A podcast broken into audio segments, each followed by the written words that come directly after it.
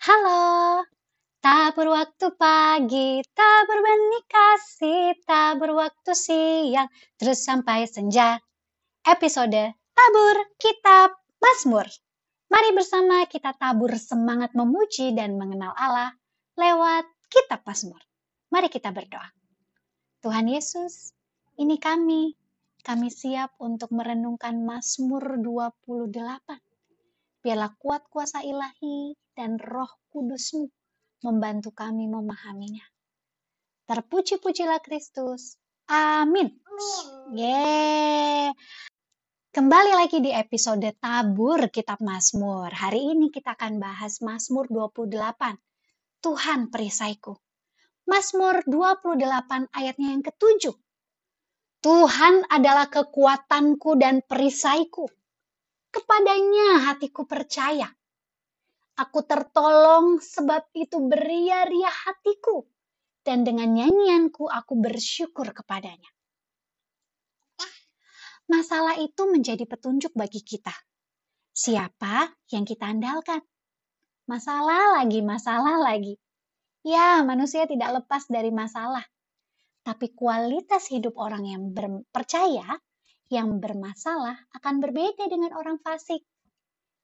Apa perbedaannya? Masalah itu buat kita jadi lemah, dan pasti kita akan cenderung mencari sesuatu yang lebih kuat agar bisa diselesaikan. Orang percaya akan menjadikan Tuhan kekuatannya dan perisai sebagai bentuk perlindungan. Kalau dalam situasi perang, jelas ya, ada musuh yang memang menyerang kita secara fisik. Sedangkan peperangan yang kita hadapi dalam keseharian sedikit berbeda. Bisa saja sih berupa serangan fisik, atau bahkan serangan verbal, atau serangan penyakit. Perlindungan yang kita nikmati bisa tidak menerima serangan sama sekali. Kita bisa terhindar dari serangan sama sekali. Atau Serangan tetap ada, tetapi jiwa kita tetap tenang. Ya, ketenangan jiwa ini yang menjadi penanda kondisi kita yang tertolong. Makanya tidak heran kualitas hidup orang percaya akan penuh sukacita dan pujian.